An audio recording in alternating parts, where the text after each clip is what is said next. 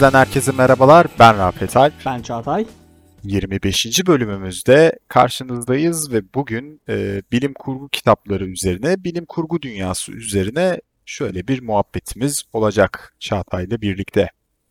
Şimdi Çağatay, e, bilim kurgu ikimizin de tutkuyla baktığı, işte kitaplarını okuduğu, filmlerini izlediği, e, ürünlerini tükettiği bir dünya, bir düşünce tarzı, bir kültür diyeyim. Ee, bunun hakkında da senle böyle sohbet ederken geçtiğimiz hafta da işte Vakıf serisinden, Isaac Asimov'dan vesaire bahsetmiştik. Bu hafta da iyi oldu böyle. Ee, biraz daha açacağız onları. Orada bahsedemediğim şeyleri ifade edeceğim.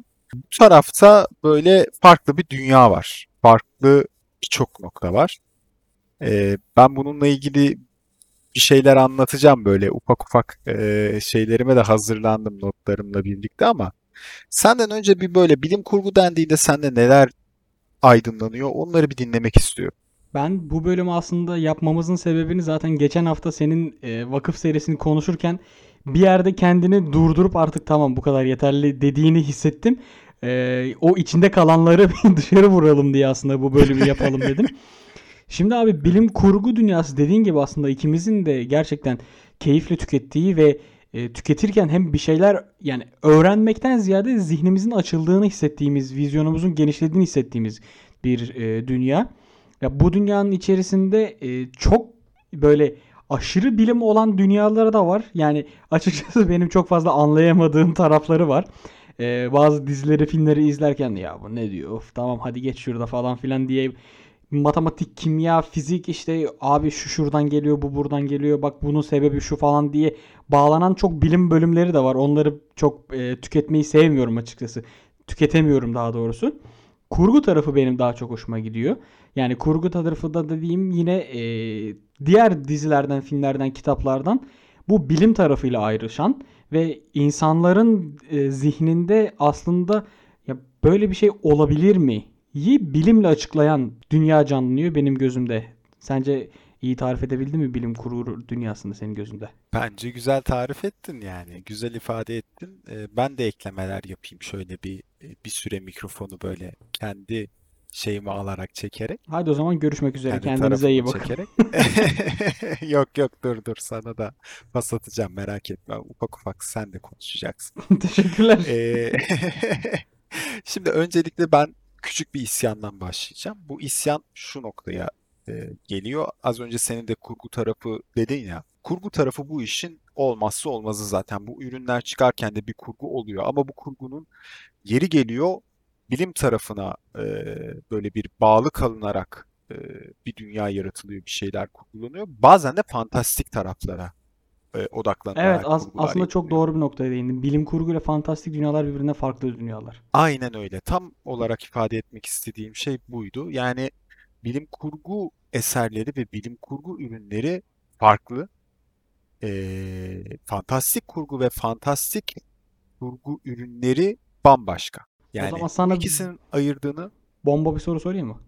Evet. Mesela sence Star Trek bir bilim kurgu mu bir fantazi mi? Star Trek mi? Evet. Star Trek bilim kurgu. Fantastik öğeleri olan bir bilim kurgu. Star Wars? Ee, Star Wars da bilim kurgu gibi ama Star Wars'ta daha farklı fantastik yani çok e, fazla bir fantastik öğe içermesinden dolayı o fantastik kurguya da girer. Ya şu şu var ama şimdi Ben kendi tarafından bu soruyu cevaplayayım sadece, bir saniye. E, Tamam sen de cevapla. Kusura bakma sözünü kestim. Ben benim gözümde baktığın zaman Star Trek ile Star Wars'un ayrıştığı nokta bu aslında. Star Wars daha fantastik ögeleri canlandıran ve e, tamamen sıfırdan bir dünya yaratıp bu dünyanın kendi e, olgularını oluşturan bir dünya.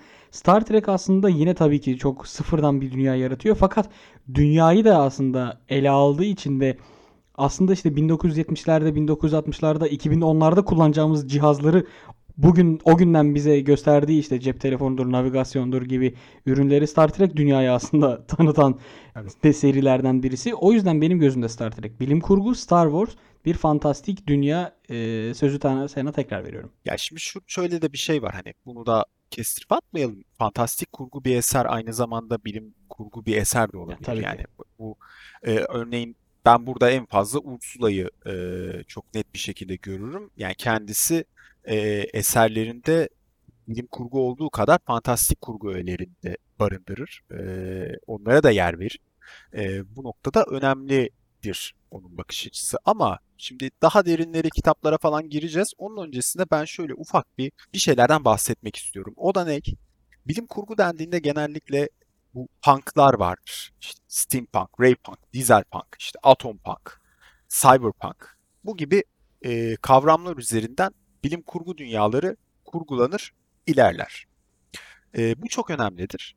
Bunun önemli olmasının en büyük sebebi aslında senin de konuşurken bahsettiğin o kafayı açmak, o e, ütopyaları oluşturmak ve ne denir geleceği biraz daha e, geleceği kurgulayabilmek kafada çok önemlidir. Çünkü hayal edersek bir noktaya gidebiliyor. E, ve teknoloji de aslında bu çizgi üzerinden ilerliyor. Şimdi burada şöyle bir örnek vereceğim. 1860'lar ve işte 1910'lar dönemlerinde özellikle bu e, sanayi devrimleriyle birlikte teknoloji farklı bir noktaya gidiyordu. Hani bu gidişat içerisinde e, buharlı makinalardı, onlardı, bunlardı hani bir sürü şey insanları steampunk kurgulara yönlendirdi. Ve bilim kurgu dünyası aslında o dönemin eserleriyle veya o dönemki sadece yazılı eserlerle değil işte fotoğraflarla hani e, ne denir türlü türlü ürünleriyle vesaire e, insanların aklında geleceği biraz daha steampunk olarak hayal ettirdi. Daha iyi bir şekilde dinleyicilerimiz bunu hayal etmek isterse Mortal Engines diye bir tane film var. Belki sen de izledin mi bilmiyorum. Orada da böyle Şu an Netflix'e geldi geçtiğimiz haftalarda. Aynen öyle. Ee, orada böyle o steampunk öğelerini çok net bir şekilde hissedebilirsiniz. Buharlı makinalarla işte devasa şehirler falan filan. Şey de öyle değil mi aslında? Ready Player One filmi de aslında biraz daha yine steampunk bir dünyaydı. Yok o Benziyordu sanki. o cyberpunk. Yani şöyle Heh o Cyberpunk tamam cyberpunk tamam. Oraya da Doğru. geleceğiz. Sonra eee Raypunk 1910'lar ve 1930'lar çizgi romanları özellikle böyle bize Raypunk denilen ışık, ışın kılıçları, ışın silahları, ışık atan eee, bilmem neler falan filan karşımıza Piu çıkartıyor. piu piu. Piu piu piu aynen öyle. Daha sonrasında 1930-1950'ler artık İkinci Dünya Savaşı dönemleri Pulp Fiction eee, dünyaları vesaire eee, ve dizel gücünün de ele geçirilmesiyle birlikte bir dizel punk eee, kurgular hayal edildi, şey yapıldı, kurgulandı. Daha sonrasında atom punk, jetgiller en önemli şey, nükleer enerji, hı. atom enerjisi, Amerika'nın atom enerjisini e, insanlara daha sempatik gösterme çabaları, e, soğuk savaş ütopyaları, soğuk savaşı Amerika kazanırsa işte nükleer güç e, ne denir ona? Barış için kullanılırsa nasıl dünyalar olurlar vesaire vesaire. Bize bu tarz eserler, bu tarz dünyalar şey yaptı.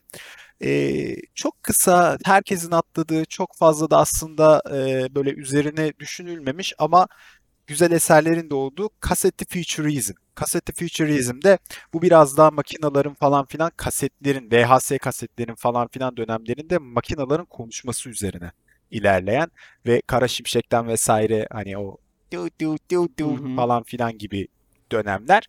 Bu da bilim kurgunun bir dönemi. Ve bu dönemden sonra aslında herkes ufak ufak şuraya gitti. İnternet ve dijital dünya ile birlikte artık 2020 ve sonrası için en az 2100'lere işte 2200'lere veya işte daha ne kadar ilerlersek gidecek olan cyberpunk kafası. Cyberpunk kafasının en önemli e, mihenk taşlarından bir tanesi de e, bir masa oyunudur. O masa oyunu da yakın zamanda e, bir video oyununa vesaireye çevrilecek işte oraya uyarlanıyor falan filan e, Cyberpunk 2077 diye bir bilim kurgu dünyası. Şimdi bu kavramlar bir sürü şeyden bahsettim. Punklardan bahsettim. Neden? Çünkü dikkat ederseniz bu dönemlerdeki bu bilim kurgu eserleri ve bilim kurgu bakış açıları dönemin teknolojilerine ve dönemin ne denir ona gelişimine çok büyük katkı sağladı. Çünkü insanların senin de sohbetimizin, muhabbetimizin başında söylediğin gibi insanların ufkunu açtı. İnsanları o tarafa doğru yönlendirerek o tarafa doğru tutkularını besledi.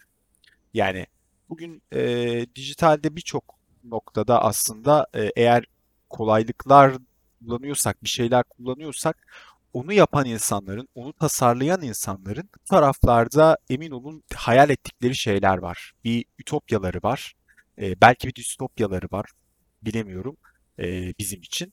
Hani o tarafta e, bilim kurgu eserlerinin böyle bir değeri var. E, bu değeri biraz vurgulamak istedim. Biraz da uzun sanırım. E, sen ne dersin bu görüşüm hakkında? Saygıdeğer Profesör Doktor Rafet Alp Toprağa bu konuşmasından dolayı teşekkür ederiz. Şimdi mezuniyet törenimize kaldığımız yerden devam ediyoruz. Abi bayağı iyiydi ya. Güzel miydi? Ben ben çok e, şeydi böyle doyurucu ve aslında her kelimesinde ayrı bir bilgi, ayrı bir kafa açıcı konu olan bir şeydi ve araştırmaya merak ettiğim konular oldu benim bu arada ya. Söylediğin Tavsiye şeylerde ederim. mesela ar- arada arada bilmediğim punklar çıktı. E, punk is not dead deyip o zaman ben devam edeyim mi? Et bakalım. İğrenç bir şekilde bağlayıp böyle. Ya ben aslında şimdi o zaman direkt e, konumuza geçmek istiyorum. Aynen. Yani e, naçizane bizim bilim kurgu dünyasında e, sevdiğimiz ve içerisinde yer almaktan keyif aldığımız dünyalardan bahsetmek istiyorum ben. İlk as- olarak aslında e, Ray Bradbury tarafını direkt sana bırakıyorum. Ray Bradbury'nin bir Tamam. Türkiye temsilcisi olarak, Türkiye fan club kurucusu olarak e, onu sana O bırakıyorum. kadar İşte değil ya bu arada. Yani e, neyse Oğlum, konuşuruz da. İki, iki sene önce her konuşmamızda bana Ray Bradbury övüyordun ya. Yani O dönem onu okuyordum çünkü. Ve evet sürekli elinde bir Ray Bradbury kitabı vardı.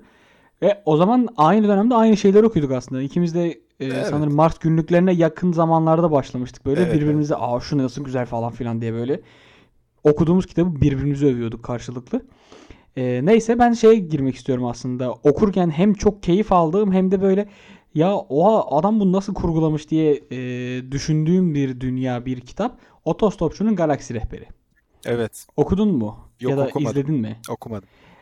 Ee, Douglas Adams isimli bir e, İngiliz yazarın yazdığı bir dünya bu aslında. Elon Musk'ın özellikle böyle pohpohladığı kitaplardan bir tanesi. Çok sevdiğini söylediği. e, Öyle mi? tabii tabii Elon Musk bayağı e, övdüğü bir kitap. Ya e, Alan'la kafalarımız biraz benzeşiyor. Şey yapıyoruz. e, aynı şeyleri düşünüyoruz. Gelecekle ilgili de vizyonlarımız benzer.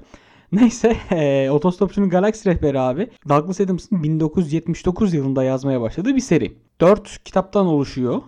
E, pardon 5 kitaptan oluşuyor.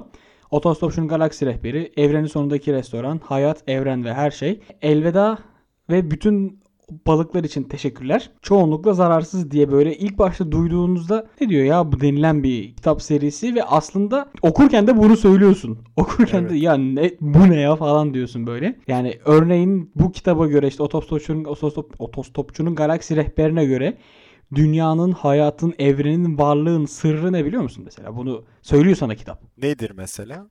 Spoiler 42. oluyor mu? 42. Yaş mı? işte hayır işte 42.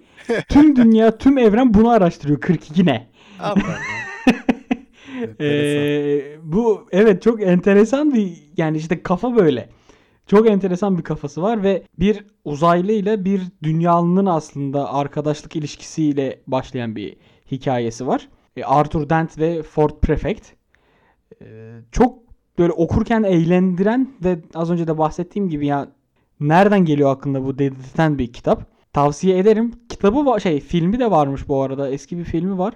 Fakat kitabın ön sözünde Douglas Adams şey diyor.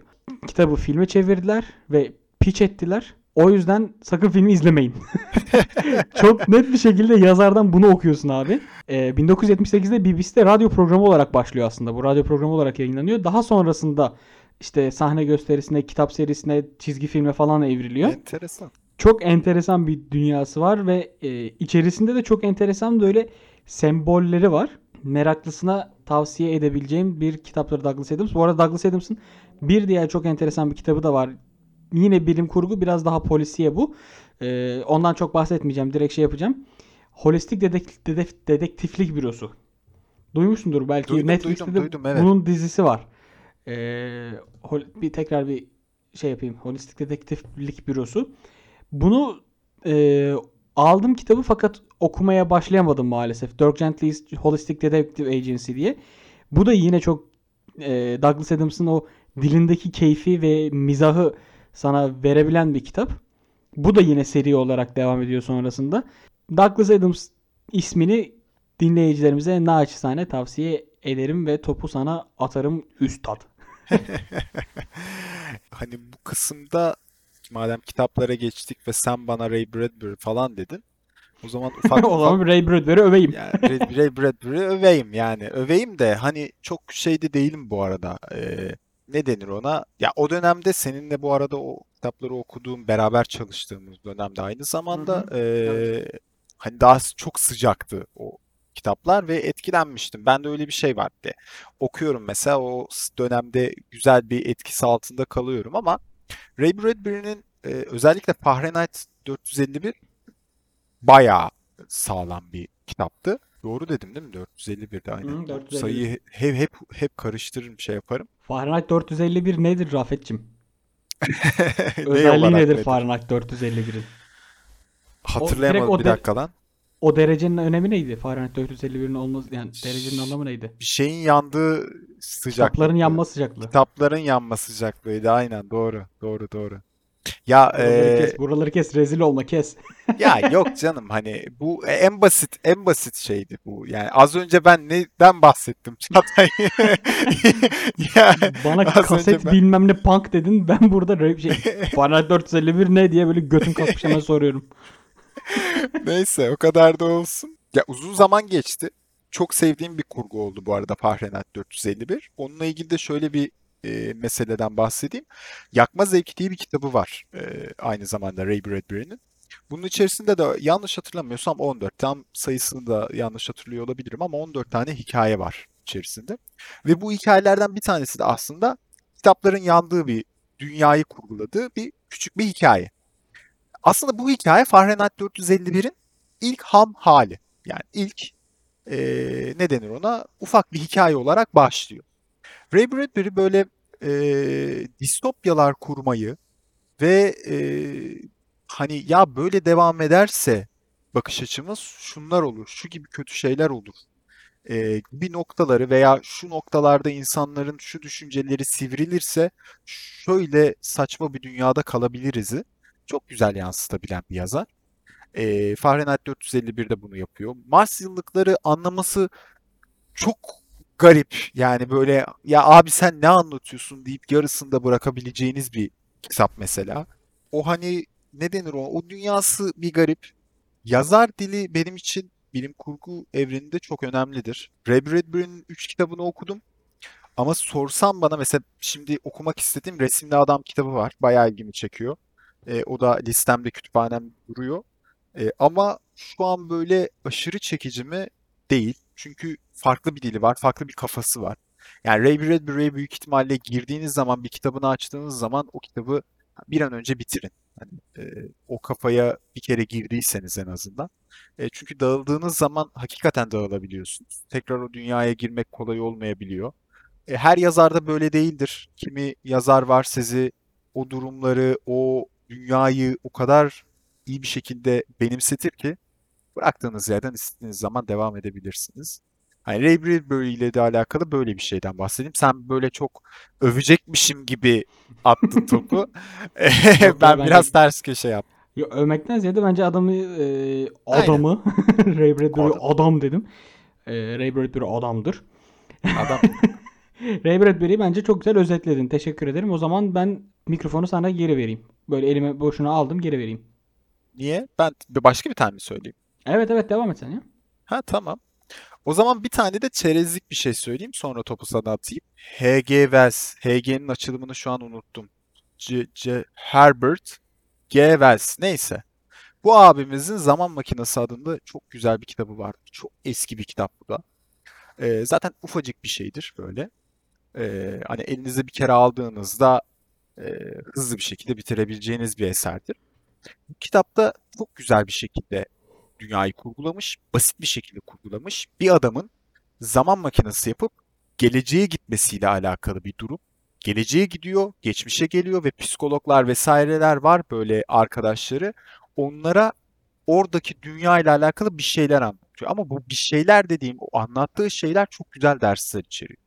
Ve kurgulanan dünyada da şöyle e, hızlıca anlatmak gerekirse bir mesele var. Bir taraftan aslında en uç ütopik bir komünizmden bahsediyor. Yani artık bütün insanların bütün ihtiyaçlarının karşılandığı bir sistem, bir bina ve bu binanın içerisinde insanlar var. İnsanlar kendi şeylerini yaşıyorlar ama artık kendilerini o kadar safe alanı çekmişler ki çok saflaşmışlar, çok böyle salaklaşmışlar. Tamam mı? Diğer taraftan da baş, e, tabii burada bundan önce şunu söylemem gerekiyor. Bu gelecekte, onun kurguladığı gelecekte insanlar iki farklı ırka evrilmiş. Hani bir tanesi yeryüzündekiler bahsettiklerim, bir tane de yer altındakiler. Yer altındakiler ise daha böyle hayvani duygularla hareket eden, ee, ne denir ona? İşte çalışan o altta büyük ihtimalle bir hani çok böyle açıklamıyor ama altta büyük ihtimalle enerjiyi o hani bir şeyleri karşılayan biraz daha sanki böyle orada burjuvazi ile işçi sınıfı arasında da bir şey böyle vurgulamış ufak ufak.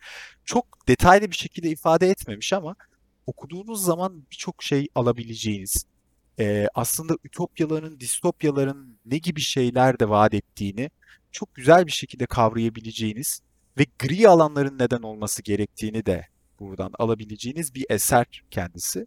E, böyle ufak bir tavsiye de buradan vereyim. Güzelmiş. Sen bunu sanki bir bölümümüzde daha bahsetmiştin. Ben onu o yüzden o ara listeme eklemiştim. Ondan sonra yine başka şeyler ekleyip onu çıkarmıştım. Doğrudur. Ben o zaman son e, aslında bir öneriden ziyade bir hayal kırıklığından bahsetmek istiyorum. Yani Aa, hadi bakalım. nasıl bir hayal kırıklığı? E, işte kitap alma döneminde geziniyorum işte internet sitesinde. E, ne alsam ne baksam işte nasıl bir şeyler okuyayım falan filan diye. Robotların Yükselişi diye bir kitap gördüm. Benim önerdiğim kitapları alma. Git sen oradan şansına eser. Tamam, tamam, tamam, tamam. Peki. Evet biraz öyle olmuş. Ee, Martin Ford isimli bir arkadaşın yazdığı bir kitap. Robotların yükselişi. Kapağı falan böyle inanılmaz güzel gözüküyor. Yani bu konuda açıkçası biraz e, ön yargılı bir adamım. Kapaklı kitabı kapağına göre yargılayan hötüklerdenim e, maalesef. Ama bunun kitabı böyle işte yani kapağı olumlu bir şey yaptı bana. Dedim alayım ya. Robotların yükselişi böyle şey düşünüyorum işte e, işte 2080'ler, 2090'lar, 2100'ler işte robotlar yükselmiş, insanlarla mücadeleye girecekler işte. Ne o- bir de çünkü böyle kapağında böyle yumruk sıkmış bir robot eli var. Aha dedim Evet. isyan geliyor falan filan. Abi kitap bayağı şeymiş ya böyle. 1970'lerde Amerika'da robotlar bu kadar kullanılıyordu. Şu an şu kadar kullanılıyor. İşte insanların elinden şu kadar iş aldı falan diye istatistik kitabıymış. Evet, evet, evet. Ve ben Boz, bozmak istemedim Evet. biliyorum ben o kitabı. Yani biraz böyle orta orta kalınlıkta bir kitap.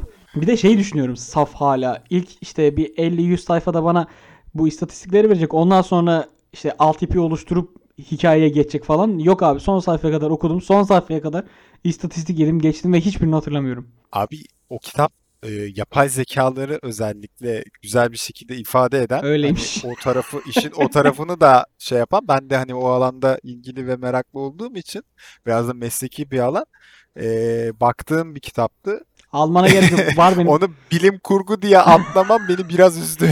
Benim kitaplıkta var. Almana gerek yok. Veririm ben sana ya. Nefret ettim zaten. Seve seve verecek gibisin. evet evet şey yoksa yakacağım yani. Enteresan bir an olmuş ya. Bir yani bir kitap insanın hayal nasıl hayal kırıklığı yaratır böyle hayal kırıklığı yaratır işte. İşte yani kitabı araştır. Ben bu arada kitap konusunda gerçekten çok araştırayım, bakayım beni konusu çeker mi, çekmez mi falan filan diye şey yapan bir adam.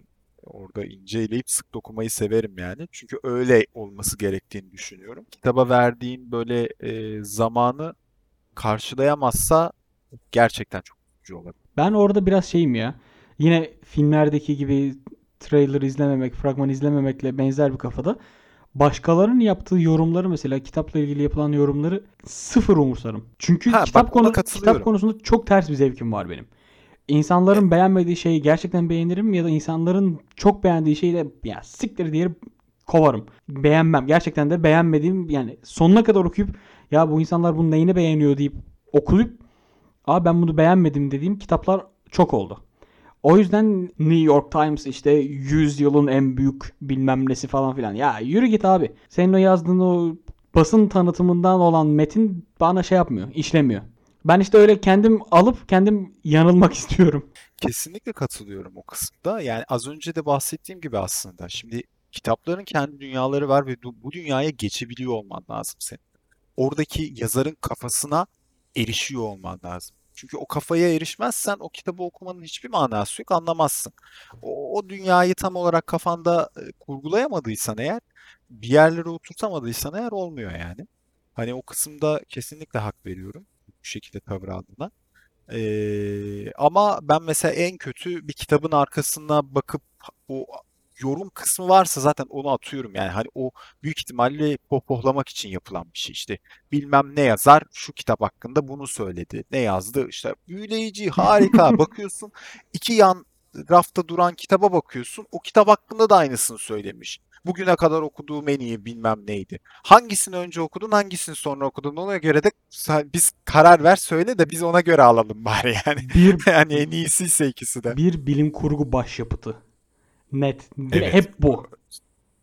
Tabii abi hepsi zaten başlarız çünkü işte hepsinin dünyası farklı olduğu E için yani kendi söylemek kendi kolay kendi dünyasında Kendi başyapıt. dünyası için. Tabii kendi dünyası için. Ay, o zaman ben kendi başyapıt hani bilim kurgu dünyasının benim için başyapıtına geçiyorum. Ben o zaman arkaya yaslanıyorum artık. Ya, ya artık kısa tutacağım. Çok fazla uzun şey yapmayacağım ama hani geçen yayında da bahsettik. Isaac Asimov'un Vakıf serisi özellikle. Isaac Asimov şöyle bir kısaca aslında Isaac Asimov'dan bahsetmek istiyorum fazla uzatmadan. Hayda. Isaac Asimov Bir 1847 yarım saat daha yılında. buradayız. Ya Isaac Asimov'la ilgili e, böyle tarihine, osuna, busuna girmeyeceğim. Sadece şunu söyleyeceğim. Dewey Onlu sistem e, sınıflandırma sistemi vardır. Biliyor musun? Bu bilim işte kütüphanelerin vesaire sınıflandırıldığı e, şeydir. İşte e, kütüphanelerde görürüz ya 000 işte e, 100, 200 mesela 000 genel eserlerdir. Hmm. Ansiklopediler, işte bilgisayar bilimleri, bilgiler falan filan böyle raflar vardır. Ayrılır bunlar sonra. İşte yüzde mesela 100 nolu kütüphaneye gittiğin zaman felsefe ve psikoloji görmen lazımdır falan filan. Böyle, böyle bir şey vardır. Hı hı. Ee, ve onlu bir sistemdir bu. Ondan sonra. Şimdi Isaac Asimov'la ilgili en anahtar mesele şu. Bu sistemin içerisinde felsefe hariç tüm ana dallarda eserler yazmış bir insan. Yani sadece bilim kurgu yazarı değil, aynı zamanda biyokimya profesörü falan bu adam yani. O alanlarda da çalışmış bir adam. Şimdi bu kadar dolu dolu bilgisi olan bir adamın dünyayı kurgulayıp bu dünyada bir şeyler ifade ediyor olması benim için çok değerli idi ilk olarak araştırdığım zaman. O yüzden ben Vakıf serisine her zaman için böyle ya oraya bir dalayım, bir dalayım, bir dalayım, bir, bir zaman kolladım. Ve daldığım zaman gerçekten beni fazlasıyla besleyen bir kitap ve besleyen bir eser hani üçlüsüyle Bir karşılaştım. başyapıt Vakıf, diyebilir miyiz? vakıf ve imparatorluk. E, ikinci vakıf kesinlikle ben başyapıt olarak nitelendirdim. Çünkü başyapıtların şöyle bir e, şeyi vardır benim için. Yani bir eserin başyapıt olarak gözükebilmesi için gelecekte gelecek başka eserleri de çok derinden etkileyebilmesi önemlidir. Ben Vakıf serisini okuduğum zaman içerisinde Star Trek'i de gördüm, Star Wars'u da gördüm. Ee, Star Wars'un birçok noktada oradan beslendiği şeylerin olduğunu gördüm. Star Trek'in de aynı şekilde veya başka uzay filmlerinin vesaire. Çünkü çok eski zamanların bir kitabı, ee, çok eski zamanların bir eseri ee, ve gerçekten harika bir şekilde kurgulanmış. Ee, Roma İmparatorluğu'ndan falan bahsetmiştim o dönemde. Bu vakıf ne derseniz vakıf e, batan bir imparatorluk içerisinde Harry Seldon adındaki bir adamın e, işte o zamanın konseyleriyle, imparatorluk yetkilileriyle konuşup ya bakın imparatorluk çökecek. Hani bu bariz belli çökecek. Fazla büyüdü. Ee, ben bir projem var benim. Ben bir vakıf, iki tane vakıf açacağım aslında. Mesele bu. İki tane vakıf açacağım. E, ismine vakıf koyacağım. E, ve bunları evrenin belirli iki noktasında konuşlandıracağım. E, ve bu vakıf, vakıf imparatorluğun bütün değerlerini teknolojik olarak da kültürel olarak da bütün değerlerini koruyacak. Ve gerçekten e, adamın işte Harry Seldon'ın zamanla söyledikleri oluyor ve imparatorluk yıkılmaya başlıyor, vakıf yükselmeye başlıyor ve bir zaman sonra vakıf aslında e, bütün teknolojiyi elinde tutmuş imparatorluk teknolojileri tükeniyorken vakıf teknolojileri yükseliyor gibi bir durum oluyor. Ve bunun üzerine muhteşem bir dünya, muhteşem bir dünya demeyeyim, evren kurgulamış. E, bu evrenin içerisinde politik tartışmalar da var. E, büyük insanların nasıl kararlar aldığıyla alakalı şeyler de var. Kötü karakterlerin e, o dünya içerisinde nasıl büyük etkiler sarf ettiği bu etkilere karşı ya hani şu, kısaca şunu söyleyeyim okurken gerçekten e, bu izlediğimiz seri filmler vardı ya Lord of the Rings işte Star Wars, Star Trek bilmem ne bilmem ne bilmem ne bir sürü eser. Hepsinde şu vardır ya bir filmi izlersin ikinci film daha da derinliğe inersin konunun e, büyür büyür büyür Hı hı. büyür. Kesinlikle vakıfta da aynı hissiyatı alabiliyorsunuz. E, aynı zamanda hani sadece vakıf serisi de yok. E, İmparatorluk serisi falan da var. İşte Ben Robot falan da var. E, Robot serisi denilen seri. E, birkaç kitap da orada var. Ya bir sürü eseri var ve ben kefilim. Okuyun. Ha her kitap herkese tabii ki gelmez. Her kitap herkese gelmez ama alabileceğiniz çok şey olduğunu, bilim konusunda da kurgu konusunda da çok fazla şey olduğunu düşündüğüm bir eser ve bir yazar Isaac Asimov. Güzel. Güzel. Yine konuştum. Güzel konuştun. Yani benim bunun üstüne diyecek bir şeyim yok artık şu an. Yani en son söylediği kitap hayal kırıklığı olan bir adam olarak. Ama şunu Sen söyleyebilirim gel, şu an sen gel bana güven. Benim söylediğim e, kitaplara da bir bak önce. Şu an Dune dünyasına girdim. Dune serisine başladım. Bir bakalım e, onu bir hatim edeyim. Onun sonrasında Vakıf serisi de yine aklımda olan ve aslında o kitap listemde yer alan ve muhtemelen bir dahaki kitap alışverişimde yeni listeden çıkaracağım kitaplardan birisi.